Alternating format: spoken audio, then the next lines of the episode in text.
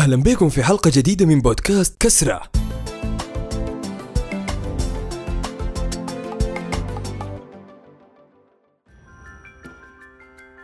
ربونا أهلنا من نحن صغار على إنه الجار قبل الدار وإننا مفروض نقيف مع المحتاج قبل ما يتكلم ونحترم الغريب قبل القريب ندي وما ننتظر أي مقابل.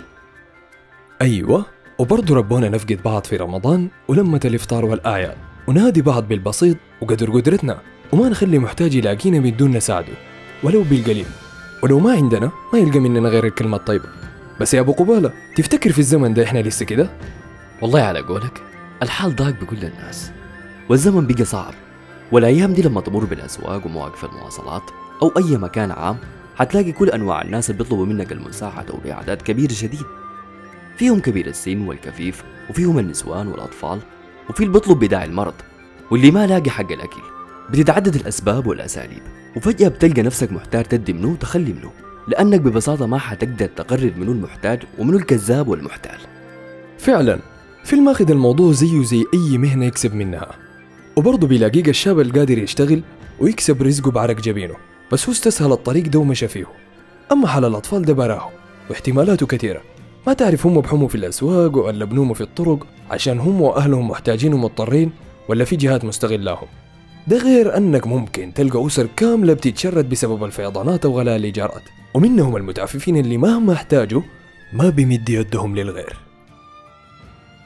وعشان الأقربون أولى بالمعروف لازم ننتبه للجار المحتاج المتعفف اللي ما بيزعل زول مهما بلغ مقدار حوجته.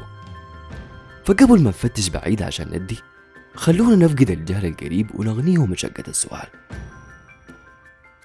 طيب يا إسلام بما إننا كلنا بندي وبنساعد هل نحن كده بنساعد في حل مشكلة التسول الماشية في ازدياد دي؟ من نص المشكلة دي بتلقى الحل. شفت تجمعاتهم اللي بتكون في الاستوبات أو المحطات الكبيرة والأسواق؟ ضمن ديل بتلقى اللي بيبيع بسكويت أو لبان ومناديل. اشتري منهم حتى لو ما محتاج. كده هو بيتشجع يستمر في الكسب الحلال وما يتجه للتسول على أساس إنه السكة الأسهل. وإحنا لو بقينا ندعمهم حنشجع باقي الأطفال يتحولوا للبيع بدل التسول.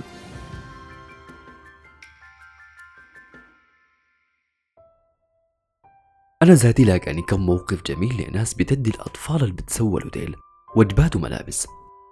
بتديهم حاجات عينية تساعدهم بجد. ما قروش وخلاص. لأنهم على الأغلب ما حيعرفوا يتصرفوا في القروش دي وحتخلص ويرجعوا يتسولوا تاني. عندي واحد صاحبي بيقعد يتونس معاهم. وبساعدهم يبدوا مشاريع صغيرة زي الونيش والطبليات الصغيرة. هي محاولات بسيطة بس أكيد بتفرق.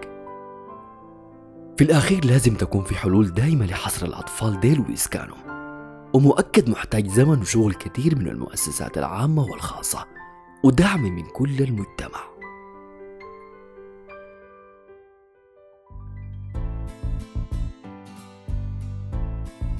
كسرة فليكن عطاؤنا. مصدر رزق دائم يغني عن السؤال. بودكاست كسرة حيكون معاكم أسبوعيا كل يوم أحد. معايا أنا إسلام عمر. وأنا أبو قبالة محجوب حنفكر ونحلل نتكلم عن أفكارنا بصوت عالي. ونتناقش في الحاجات اللي بتهمنا في المجتمع السوداني والمجتمع العربي. تابعونا على منصات فيسبوك تليجرام وساوند كلاود. جوجل بودكاست وأبل بودكاست. كسرة عندما يصنع التعقيب وصل الحكاية.